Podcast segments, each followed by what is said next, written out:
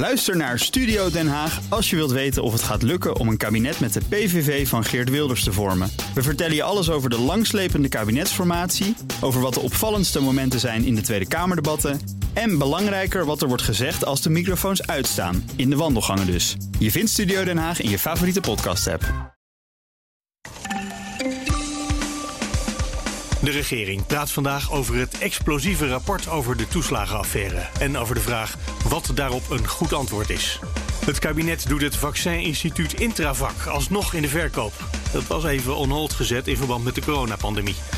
En bedrijven vergroenen steeds meer via een virtuele stroomdeal, zodat de stroominkoop ook steeds meer een boekhoudoperatie wordt. Dit is Nieuwsroom, de dagelijkse podcast van het Financiële Dagblad en BNR Nieuwsradio. Met het nieuws verteld door de journalisten zelf. Ik ben Mark Beekhuis en het is vandaag dinsdag 22 december. Hallo, Thomas van Groningen. Hallo Mark Beekhuis, goedemorgen. Politiek verslaggever voor BNR Nieuwsradio. Eigenlijk is er reces in eh, Den Haag op het ogenblik. Uh, dan hebben jullie meestal vrij, toch? Of in ieder geval een soort piketdienst. Ja, dat is inderdaad normaal gesproken hoe wij dan werken. Het is alleen nu wel echt iets om in de gaten te houden. Uh, want afgelopen week, ik heb hier nog liggen, het rapport Ongekend Onrecht. De commissie van Dam over de toeslagenaffaire. En het kabinet moet met een reactie komen. Dat zal waarschijnlijk pas in het nieuwe jaar zijn. Dan wordt er ook over gedebatteerd over dit rapport. Maar ja, dan moeten ze wel een verhaal hebben. En uh, dus vandaag is op het Katshuis uh, om één uur straks is er een overleg. Uh, waar een, een, deel van het kabinet bij elkaar komt. Eigenlijk alleen alle uh, bewindspersonen die hier echt iets mee te maken hebben. of zijdelings iets mee te maken hebben. Die komen uit het Katshuis. En die zullen daar gaan praten over wat, wat is de, de reactie hierop. Want het rapport was nogal hevig. Hè? Dat is echt uh, de conclusie. De grondbeginselen van de rechtsstaat zijn aangetast. Nou, erg veel harder kan je het in een democratie niet hebben. Keihard, maar wat daar ook bij stond is wie heeft dat dan aangetast? Wie heeft die grondbeginselen geschonden? Niet alleen het kabinet. Het is namelijk ook de Tweede Kamer. Het is namelijk ook uh, de bestuursrechtspraak in Nederland. Uh, ook de, uh, de, de, de, het ambtenarenapparaat. Ook de media wordt genoemd. Dus het zijn allerlei uh, ketens in het systeem die keer op keer gefaald hebben om die groep mensen, uh, die slachtoffers van die toeslagenaffaire, die mensen die hun kinderopvangtoeslag onterecht ineens moesten terugbetalen en daardoor de armoede terechtkwamen, uh, die mensen zijn onvoldoende beschermd door de hele keten. Dus niet alleen door die politici, maar eigenlijk door iedereen in dat systeem. En toch is natuurlijk vandaag de vraag: wat doet de politiek hiermee? De politiek is altijd uiteindelijk verantwoordelijk, toch, voor alles. Zo werkt het, ja. En dat is, dat, dat, dat, in dit geval heeft dat een, aantal bijzondere situaties. Dat uh, bewindspersonen die destijds verantwoordelijk waren voor de departementen waar het hier echt om gaat. Uh, belangrijkste financiën, uh, de Belastingdienst en sociale zaken. die twee personen zijn allebei nog in de politiek actief. Uh, maar de een is nu minister van Economische Zaken, hè, uh, Erik Wiebes. En de ander is nu uh, fractievoorzitter van de Partij van de Arbeid in de Tweede Kamer, Lodewijk Asscher. Dat telt toch nooit? Het gaat toch altijd om de politieke verantwoordelijkheid. Dus wie is er nu de minister voor? Oh, maakt niet uit wat er in 1980 gebeurde, maar daar is dan toch de minister van nu verantwoordelijk voor. Dus wie zit er nu Precies. op sociale zaken? Wie zit er nu op financiën? Precies, hè, die, die ministeriële verantwoordelijkheid is op die manier geregeld. Maar ziet de kiezer dat ook zo? We zitten minder dan drie maanden voor de verkiezingen. En zo wordt er natuurlijk in Den Haag ook gekeken. Uh, hoe, hoe gaan we dit nou natuurlijk zo vormgeven? Dat het electoraal niet te, veel, niet te groot probleem is. Maar dat we wel een voldoende signaal geven aan die slachtoffers van die toeslagenaffaire. Dat, het, dat, er, een soort van sprake is van rechtvaardigheid. En een, een, een goede oplossing. Ja, dat, dat, dat, dat, is de discussie waar ze vandaag voor staan op het katshuis. Dat wordt ongelooflijk ingewikkeld natuurlijk.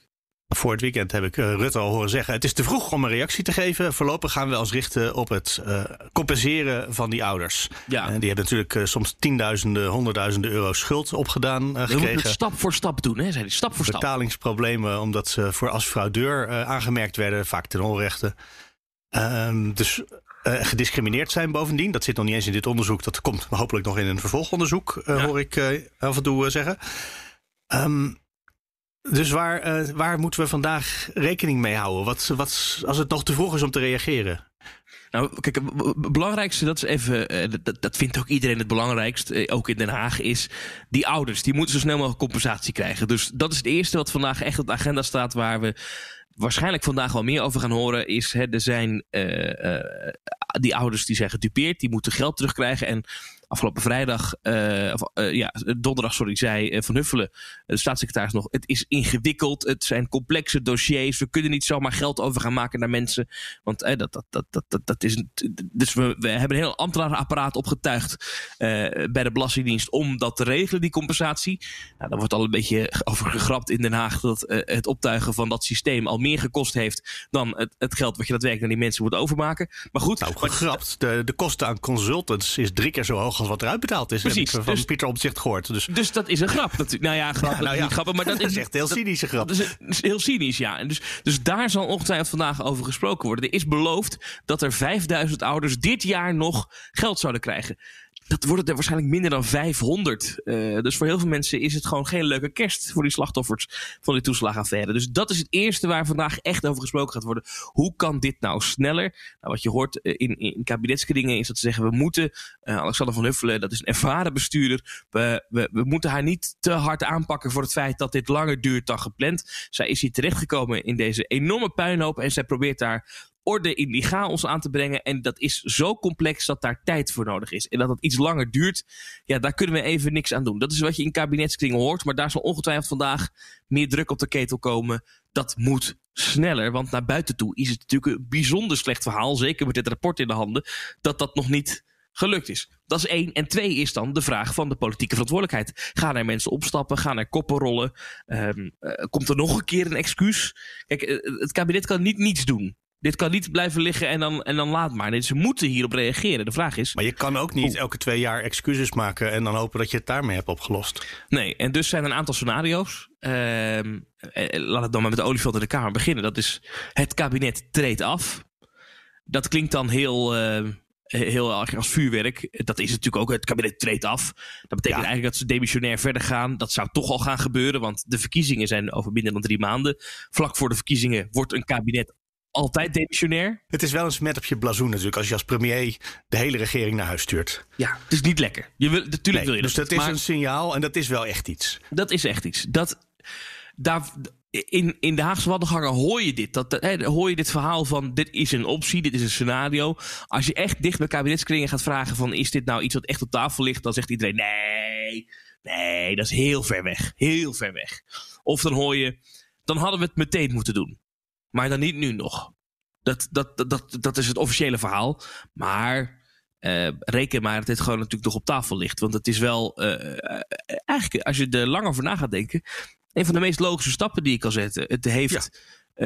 het is een groot gebaar, een groot symbool naar die slachtoffers toe. Uh, het is in coronatijd ook helemaal niet zo'n gek idee om te zeggen: dit kabinet gaat demissionair nu al verder. Dan kunnen ze alle ballen, alle aandacht geven aan eh, de aanpak van corona in Nederland. En alle grote thema's die nog uh, op de agenda staan, die kunnen ze over de schutting gooien voor een volgend kabinet. Dus dat is helemaal niet zo'n gekke situatie waar je dan in terecht uh, komt. Um, en de vraag is, wat doet dat dan met inderdaad Rutte, als hij dan dat smetje krijgt met de verkiezingen? Want dat is natuurlijk het ding, hij wil nog door, hij wil naar een volgend kabinet. Nou ja, is, rekent de kiezer hem heel erg af op, uh, op die toeslagenaffaire. En als dit gebeurt. Kijk naar de peilingen. Volgens mij doet de kiezer dat niet. Nee, uh, vandaag overigens uh, weet ik van de collega's van een vandaag. Die komen met een, een peiling waarin echt gevraagd wordt naar wat vindt u van de rol van het kabinet in de toeslagenaffaire. En, en, en of dat effect heeft op hoe men gaat stemmen in maart. dat worden wel interessante cijfers, want dat weten we eigenlijk nog niet zo goed. Het lijkt er een beetje op Um, en ik neem een beetje de voorschot om, maar het lijkt er een beetje op dat Nederland zegt: Oh, wat erg die toeslagenaffaire. Maar wat goed hè, hoe we dat corona aangepakt hebben. De, de PvdA, want het gaat natuurlijk ook om Ascher. Uh, die dan misschien wel geen ministeriële verantwoordelijkheid heeft, maar wel een persoonlijke betrokkenheid. Ja. Dat speelt ook nog, hè? Dat, dat Asscher nog, uh, in de Partij van de Arbeid onder vuur ligt. Ja, gisteren de hele dag uh, heb ik een beetje lopen rondbellen in de Partij van de Arbeid kringen. Het uh, was toch wel interessant dat de partij zelf niet opnam. En dat intrigeert dan meteen de woordvoerder van Asscher. Die zei meteen per WhatsApp, hij gaat vandaag de media niet meer te woord staan. Dat lijkt een spelletje duiken zijn. Hè? Van, nou, als we nou zo lang mogelijk niks zeggen En dan laten we de regering even aan zet nu. als, kijk, als het kabinet aftreedt, ja, dan heeft Asscher misschien ook wel een, iets anders aan zijn hoofd. Dan moet hij misschien ook echt wel nog verder gaan in zijn reactie. Nu hebben ze een excuusbrief op Facebook gezegd, waarin ehm, uh, uh, waarin, wat ook best opmerkelijk is, waarin als je echt het boetekleed aantrekt en echt excuses maakt, nou is dat dan genoeg nu of niet? Binnen de Partij van de Arbeid hoor je in ieder geval dat er flink wat leden zeggen hij moet weg. Uh, en ik heb ook met partijprominenten gesproken die zeggen dat hun grootste zorg zit in dat de achterban van de partij ja, eigenlijk af wil rekenen met dit soort politiek. En dat het best lastig campagne voeren wordt als je eigen voorman blijkbaar onderdeel is geweest van een soort politiek waar je als partij van af wil. Kan dat wel? Is dat dan wel geloofwaardig? En, maar dit soort politiek, het, was, uh, het waren harde wetten. En als ik de verhoren van Asscher goed gezien heb, en het stuk, uh, ik heb al niet het hele rapport gelezen, maar wel de helft ben ik ongeveer. Um, het is vooral onoplettendheid geweest als, uh, bij hem, was mijn indruk. Dat hij wel signalen kreeg, maar daar niet op doorvroeg, niet door leek te hebben wat er echt speelde. Dat is, is het een soort politiek waar je vanaf wil? Ja, je hoopt natuurlijk dat je scherpe politici eh, aan de macht hebt. Maar... Ja, ik, ik sprak één iemand in de partij uh, die zei. Dat is juist een, een vorm van politiek bedrijven. Dus jij bent politicus, je zit in een samenwerking met een andere partij. In dat geval was het kabinet Rutte 2 met de VVD. En uh, je vindt het zo belangrijk dat dat in het zadel blijft. Dat als jij hele ernstige signalen krijgt over jouw collega, dat je dan maar even zegt: laat me even zitten. Of, of dat je dan daar niet op doorvraagt of daar niet een, een, een, een, een, een kabaal eh, van maakt. Dat is een vorm van politiek waar de Partij van de Arbeid niet meer voor wil staan.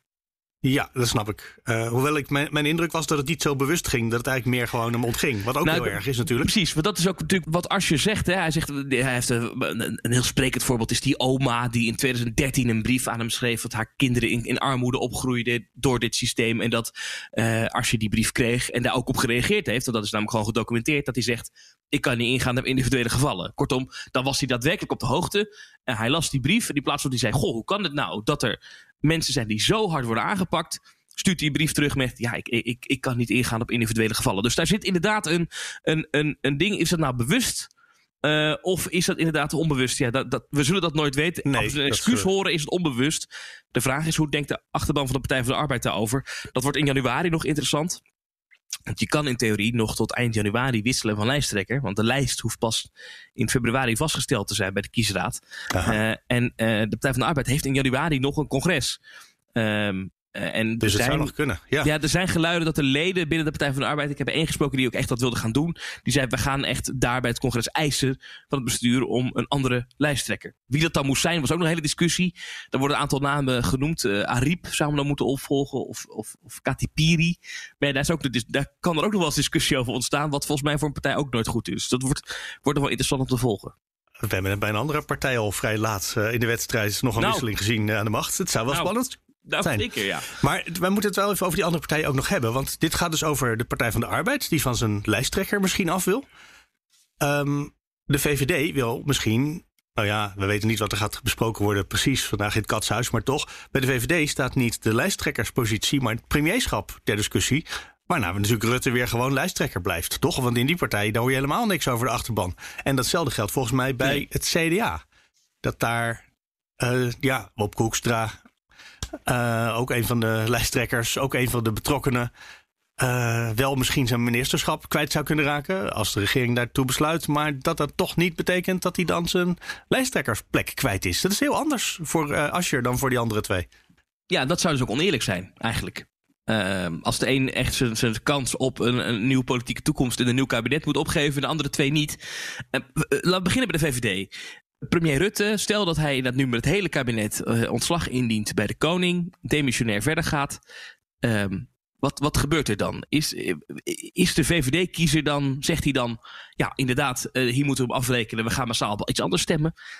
Ja, dat, dat zou uit de peiling moeten blijken, maar daar lijkt het niet op. Want Rutte is toch de man waar het allemaal van afglijdt. Dit zou ook best wel eens van hem af kunnen glijden.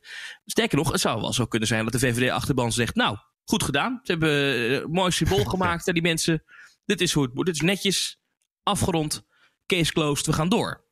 Voor het CDA wordt het natuurlijk ook interessant. Uh, is dat Pieter Omtzigt natuurlijk een van de mensen is geweest die deze zaak uh, ja, echt aangejaagd heeft in de Tweede Kamer. Keer op keer. Daar krijgt hij ook ontzettend veel complimenten over. Wat mij betreft de parlementariër van het jaar al dus. Um, of de beste parlementariër van Nederland al dus, Wop Koekstra. En voor het CDA zou het natuurlijk ook wel een interessante scenario zijn als uh, het kabinet daadwerkelijk demissionair verder gaat. Dan kan je namelijk eigenlijk zeggen, we zijn uit die coalitierol. Dan kunnen, uh, kunnen de bokshandschoenen aan. Dan kunnen ze echt campagne gaan voeren. En dan kunnen ze misschien nog meer dan nu een, een, een gebaar maken richting premier Rutte. Van kijk eens, hij is de man die documenten uh, met zijn Rutte-doctrine. En hij is de man en hij heeft al zoveel schandalen gehad. En dan kan het CDA echt los. Dus daar zit daar zit voor al die partijen zit daar iets interessants in. Thomas van Groningen, dankjewel. Hallo, Tjeu. Hi Mark, goedemorgen. Van het Financieel Dagblad. Jij schrijft heel veel over de industriekant van uh, de medische wereld, om het maar even zo te zeggen. Zeker, ja. Je hebt vandaag een verhaal gemaakt over het uh, ja, het Vaccininstituut is het niet helemaal, want we hebben al een uh, organisatie die Vaccininstituut heet. Ze heet uh, Intravac. Hè? En wat, wat is dat precies? Ja, het is de Research and Development afdeling van het oude Nederlandse Vaccininstituut. Dus dat bestond uit twee poten, een productietak, die dus de vaccins gewoon maakte in van die grote vaten. En de tweede tak, die eigenlijk nieuwe vaccins ontwikkelde of verbeterde. En dat is die tweede tak, dat is dit Intravac. En dat was allemaal overheid? Uh, onderdeel van ja, het RIVM, hè? overheid, ja. Nog steeds het vaccininstituut wel, maar in januari gaat dat dus veranderen. Ja, want het vaccininstituut, dat is al verkocht, hè, begreep ik. Dus het, uh, de, de productietak. Ja, dat, dat zit wel nog in Beeldhoven. Dat is ook een vrij groot bedrijf. Dus dat is verkocht aan een Indiaas bedrijf. En daar wordt nog op grote schaal uh, vaccins gemaakt. Maar dat zijn eigenlijk allemaal bestaande vaccins. Dus dat is vooral een productiefabriek. Dat is ook interessant dat dat van de overheid was. Dan kan je inderdaad bedenken, misschien nou, misschien hoort dat niet bij de overheid, een fabriek. Nou, het, ehm, kostte, het kostte de belastingbetaler in ieder geval heel erg veel miljoenen in het verleden. Maar daar kregen we ook wat voor. Daar kregen we vaccins voor. En uh, nou ja, die hebben we ook keihard nodig. Zeker, maar die krijgen we nu ook. En een stukje goedkoper. Nou, dat is precies waarschijnlijk waarom het zo gaat. Zo, uh, en nu... Ja, dat was precies de reden, ja. en nu dat intravak, dat, uh, dat stond ook te koop. Ging niet door. Maar ja. nu lees ik vandaag alsnog in de verkoop. Zo, zo is het precies. Uh, dus het is dit jaar, begin dit jaar, is de verkoop opgeschort. Toen was een, een koper, was, was, stond eigenlijk klaar. Het was vrijwel rond. En toen hebben ze toch dat vanwege corona in de ijskast gezet. Daar kun je natuurlijk ook wel wat bij voorstellen. Want in één keer waren vaccins stonden in het middelpunt van de belangstelling. En voordat je dan al je kennis daarvan gaat afstoten, wil je toch nog even goed nadenken. Misschien hebben we die kennis en al die know-how toch nog nodig.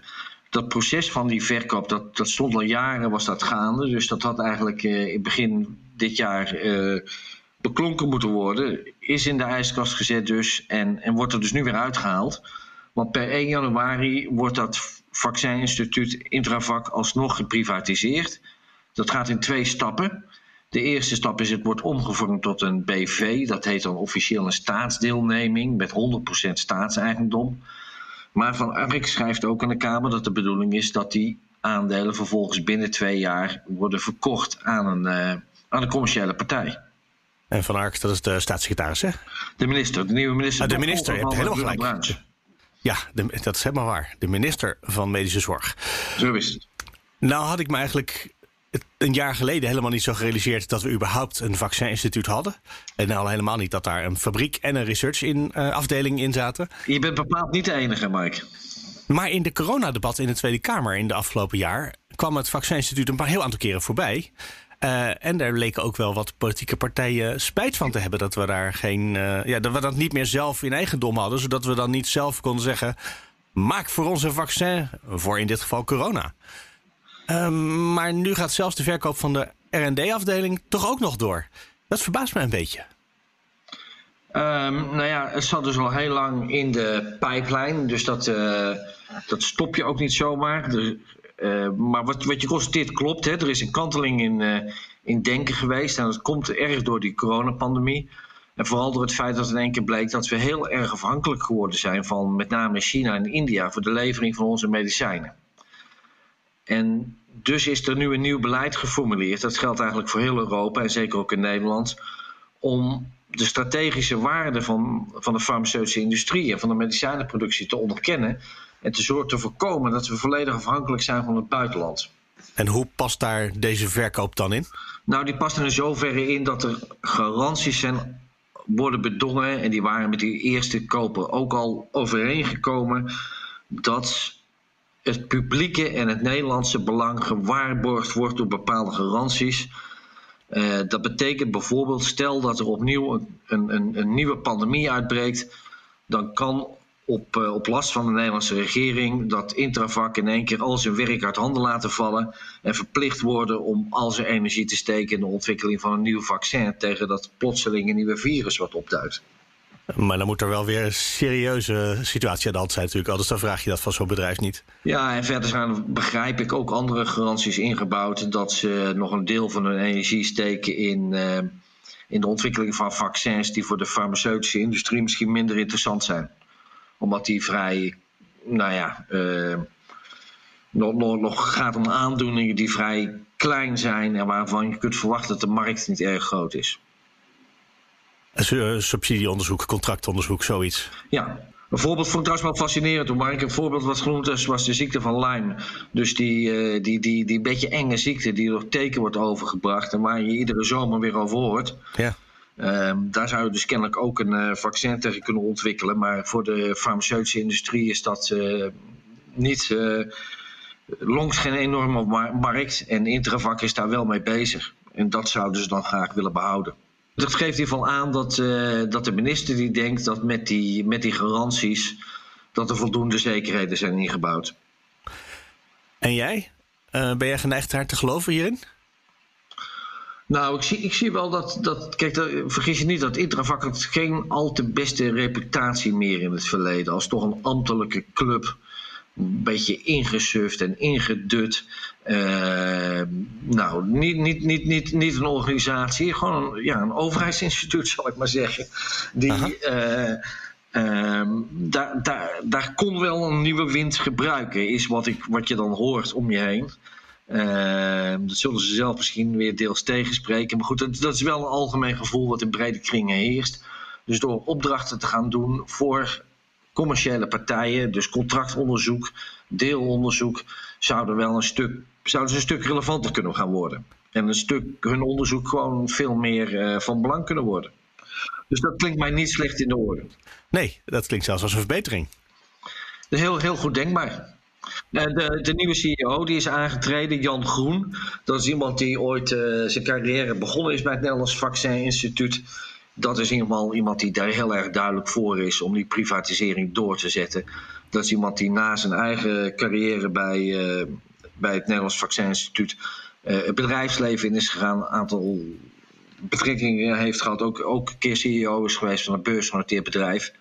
En die ziet erg die noodzaak om, om in een meer dynamische setting te gaan opereren. Ja, meer in het algemeen heb je natuurlijk op het ogenblik wel een soort golf die uh, ja, in de politiek dat we een beetje spijt hebben van allerlei privatiseringen van de afgelopen jaren, omdat die lang niet altijd voor iedereen even goed uitgepakt zijn. Zeker. Hier klinkt in door dat we misschien in dit geval toch een uitzondering te, uh, te pakken hebben, waarbij het wel goed gaat uitpakken, denk je? Ja, de, ik hoor een voorzichtige aarzeling, maar dat is de toekomst natuurlijk. Laat zich lastig voorspellen. Nou, er is nog onlangs nog een vergelijkbare zaak geweest. En dat is uh, van Sanquin, dus uh, de bekende bloedbank.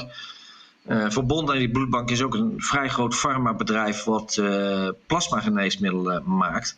En ook dat is geprivatiseerd. En daar gaat het best oké okay mee. Nou, dat moet nog blijken, want dat is pas net, uh, dat is pas net in kan en kruiken. Maar zeker was dat toen het niet geprivatiseerd was, dat het tamelijk beroerd ging. Uh, dus uh, dat, dat is wel een reden waarom die privatisering uh, nu ook op de, ja, uiteindelijk zijn beslag heeft gekregen. Dus dit, dit farmabedrijf dook ook in de verliezen. En dat is natuurlijk geen, geen fijn idee dat ze verbonden waren aan Sanquin. Dus dat is nu uit elkaar getrokken en, en geprivatiseerd. met, met een vergelijkbare constructie, ook met diverse waarborgen en garanties voor de geneesmiddelenvoorziening in Nederland. Chef Assen, dankjewel. Graag gedaan, Mark. Hallo, Bert van Dijk van Financieel Dagblad. Goedemorgen. We gaan het hebben over energie en over de boekhouding daarvan. Um, we hebben in de consumentenwereld al jaren groene stroom, die eigenlijk helemaal geen groene stroom is. Maar ja, dan wordt er een certificaat geregeld. Ja. En, uh, en dan is het wel, uh, in, op papier is het dan groen. Ja. Um, dat is op steeds grotere schaal ook uh, voor bedrijven op het ogenblik gaande, hè? Uh, ja, dat klopt. Ja, bedrijven zijn natuurlijk bezig, net als overheden, om uh, ja, te vergroenen. Ze moeten ook onder druk van maatschappij, onder druk van aandeelhouders, uh, ja, laten zien dat ze ook maatregelen nemen om de CO2 terug te dringen en om groen te zijn. Dus die, ja, die willen hun activiteiten, hun fabrieken, de stroom daarvan, willen ze ook groen hebben. Nou ja, dat kun je dan op allerlei manieren doen. Maar een van de manieren is om nou ja, groene stroom in te kopen. Dat gebeurde natuurlijk al. Dus gewoon door een contract te sluiten met de energieleverancier, of dat nou Vattenfall is of Eneco, en dan koop je groene stroom. Maar ja, zoals je al zei, daar is natuurlijk in het verleden heel veel over te doen geweest. Omdat, nou ja, dan koop je misschien groene certificaten van een waterkrachtcentrale in Noorwegen. Um, die je dan gebruikt om je activiteiten te vergroenen. Ja, dat is misschien niet helemaal groen. Schummelstroom werd dat ook wel genoemd destijds. Dus ja, er is steeds meer vraag naar lokale groene stroom. Dus dat gebeurt ook. Dan sluit een, een, een bedrijf een, deal met een lokaal windpark, bijvoorbeeld in Nederland. Um, en dan, uh, nou ja, dan krijgen ze daar die certificaten van. Dat is al, een stuk beter natuurlijk. Maar ja, dat, uh, dat zijn dan zogenaamde Power Purchase Agreements. Dat zijn dus groene inkoopcontracten. Ja. En die zijn er al heel lang en dat groeit heel erg hard elk jaar, ook het afgelopen jaar, ondanks corona, zijn er steeds meer bedrijven die dat soort deals sluiten. Dus onder andere Amazon, Google, Microsoft, echt de grote IT-bedrijven die ook een grote stroomvraag hebben, die doen dat. Uh, maar sinds kort is er ook een soort nieuwe trend en dat is dat je dus uh, een PPA, dus zo'n zo'n inkoopcontract sluit met een windpark. Maar uh, met een windpark in een land waar je eigenlijk zelf nauwelijks zit. Uh, nou ja, en de aanleiding voor dit verhaal was een deal die een consortium van bedrijven uh, van Philips en uh, Nourion en Signify um, en Heineken hebben gesloten met een windpark ergens diep in Finland. En ze, hebben dat, dat, dus ze laten dat park bouwen en ze kopen daar de stroomcertificaten, de groene stroomcertificaten van voor de komende tien jaar. En die certificaten. Ze nemen niet de stroom af, nee. maar alleen de certificaten. Ja, en die gebruiken ze om de stroom die ze afnemen in, hun, in de landen waar ze zitten. Dus uh, ergens uh, duizenden of honderden kilometers ver weg in Europa. Uh, om die stroom, die gewoon nou ja, nog voor een deel fossiel is, om die te vergroenen. dus eigenlijk ja. wat de energiebedrijven voor consumenten ook al doen, dan regelen ze dat voor je. Ja. Maar dat doen die bedrijven dan gewoon zelf. Die kopen zowel de stroom ergens grijs in en de certificaten voor de vergroening. En dan zeggen ze, oh ja, maar nu is het wel groene stroom geworden. Ja, nou ja, en op zich, kijk, en, en de, de, de redenatie, of de redenering daarachter is natuurlijk best wel plausibel. Zij zeggen, ja, wij zijn een, uh, wij zijn een bedrijf, Europese bedrijf, of, eigenlijk multinational, we zitten over de hele wereld. We hebben in heel Europa fabrieken uh, en activiteiten en die willen we vergroenen. Um, en ja, wij kijken gewoon Europees. Dus wat maakt het uit of, een, of wij um, nou ja, een nieuw park laten bouwen? Want dat is voor hen wel essentieel. Dus dat er echt een nieuw park bij komt in Europa. Uh, en, en, om daar die groene stroom van af te nemen, of we dat doen dat lokaal met allemaal kleine uh, parkjes. Ja, daar is natuurlijk op zich, hebben ze daar wel een punt. Alleen, ja, die komt wel. Ja. Je hebt hier volgens mij hetzelfde bezwaar wat je bij de consumenten ook hebt. Dat als je in uh, Noorwegen of in Finland uh, naast een, uh, een waterkrachtcentrale ja. woont, waar je de stroom van krijgt, dan weet je dat het groene stroom is. Maar als er certificaten verkocht worden aanpakken bij Nederland, ja. Dan, nou ja, is, ja, dan is het dus eigenlijk helemaal geen groene stroom, maar het ziet er wel als groene stroom uit. Ja. Dus dan ga je het gevoelsmatig twee keer tellen. Ja, nou ja, dat zegt ook iemand in mijn verhaal. Die zegt van ja, kijk, als je naast die, dat nieuwe park straks gaat wonen en dan diep in Finland, dan denk je natuurlijk dat je daar dat je groene stroom van dat park krijgt. Maar die is natuurlijk al verkocht. Dus in feite gebruik je dan uh, fossiele stroom. Maar dat is natuurlijk heel moeilijk uit te leggen. Dat is ook heel moeilijk te begrijpen. En bovendien, ja, zo'n land die kan op een gegeven moment ook zeggen: Nou, wij hebben zoveel procent duurzame energie. Uh, en Philips en Nuon en die bedrijven kunnen zeggen: Ja, wij zijn groen. wij, wij, zijn, wij zijn ook groen. Dus er worden eigenlijk vanuit een nationaal perspectief worden de groene claims gedaan straks. En ja, op bedrijvenniveau. Ja, en dat is natuurlijk een beetje, nou ja, daar kun je vraagtekens zetten of dat een goede, goede weg is. Het wordt in ieder geval een enorme boekhouding. Ja, en dus natuurlijk dat is feest minst. voor alle consultants, die, die, die vinden dit fantastisch. Dus er zitten natuurlijk heel veel eh, eh, be- bedrijven tussen en accountantskantoren die dit natuurlijk fantastisch vinden. Die eh, steunen dit ook allemaal. Maar ja, als dit verder doorgaat en als je in de toekomst ook kunt gaan handelen in carbon credits en je kunt bossen gaan beschermen, daar credits voor krijgen, die gaan verhandelen. wat de komende jaren ook steeds meer zal gaan gebeuren. Ja, dan wordt klimaatbeleid wordt wel heel erg eh, boekhouden. En op zich, ja, dan moet je wel heel erg goed gaan opletten of dat allemaal ja, goed gebeurt. Net als bij de normale boekhouding is het, wordt het misschien de verleiding wel groot om dingen dubbel te tellen of om niet alles helemaal juist te doen. Zeker als het zover ook fysiek uit elkaar gaat liggen. Dus dat je park in Finland gaat gebruiken om de stroom in Spanje van je fabriek te vergroenen bijvoorbeeld. Ja, dan dat vergt wel eh nauwgezette eh, controle, denk ik. En zeer veel vertrouwen. Ja, Dat als je in een trein stapt en de NS belooft dat het groene stroom Ja. is, dat het dan ook groene stroom is. Nou, de NS die, die zegt, die, maar dat is natuurlijk een nationaal bedrijf, die is alleen in Nederland actief en die gebruikt voor alle stroom die zij gebruiken Nederlandse stroomcertificaten. Dus die kopen puur Nederlandse groene stroom. Dus die gebruiken niet eh, stroom die in het buiten, groene stroom die in het buitenland is opgewekt. Dus dat, ja, ja. Maar dat komt natuurlijk omdat het bedrijf alleen in Nederland is. Als zij dat ook zouden doen, dan wordt het, dat zouden ze misschien ook kunnen doen, maar dat zou dan wel raar worden, vind ik zelf. Maar goed, ja, er zit natuurlijk gewoon wel wat. eh, Kijk, aan de ene kant is het natuurlijk prima dat als je een Europees beleid wil hebben en je wil als Europa eh, nou ja, maatregelen nemen, dan ja, waarom zou je niet als, als Nederland zijn, als je zoveel moeite hebt om windmolens neer te zetten, bijvoorbeeld, of vanwege het verzet of vanwege allerlei andere beperkingen. Terwijl een land al- als eh, nou ja, Roemenië of Finland of eh, Noorwegen staat te springen, niemand heeft daar bezwaar tegen. Waarom zou je dat niet doen? Dat is natuurlijk ook, eh, ja, ik bedoel, waar, Ja, voor het klimaat is het natuurlijk precies even goed. ja, maar kijk, en we hebben natuurlijk die deal, eh, er is in het verleden wel over gesproken, dat er is ook een mogelijkheid binnen Europa om, om nou ja, die joint projects te doen. Dus dan bouw je een park in Roemenië en dan koopt Nederland, die mag dat dan bijschrijven in zijn klimaatboekhouding. En, eh, nou ja, maar Wiebers en het kabinet wilde daar nooit, nooit aan. Ja, en toen hebben we uiteindelijk onze doelstelling ook niet gehaald. En nu kopen we dus alsnog overschotten aan groene energie in eh, Denemarken in. Dus uiteindelijk ja, werden wij als Nederland toch nog gedwongen om, om, eh, om dat ook in het buitenland te doen. En, Om eh, toch ja, tenminste maar onze Europese doelstellingen te halen. Ja. Bert van Dijk, dankjewel. graag gedaan. En dan komen we aan het einde. Wil je reageren? Mail dan naar nieuwsroom.bnr.nl of nieuwsroom.fd.nl. En kijk bij de show notes op bnr.nl slash nieuwsroom. Tot morgen.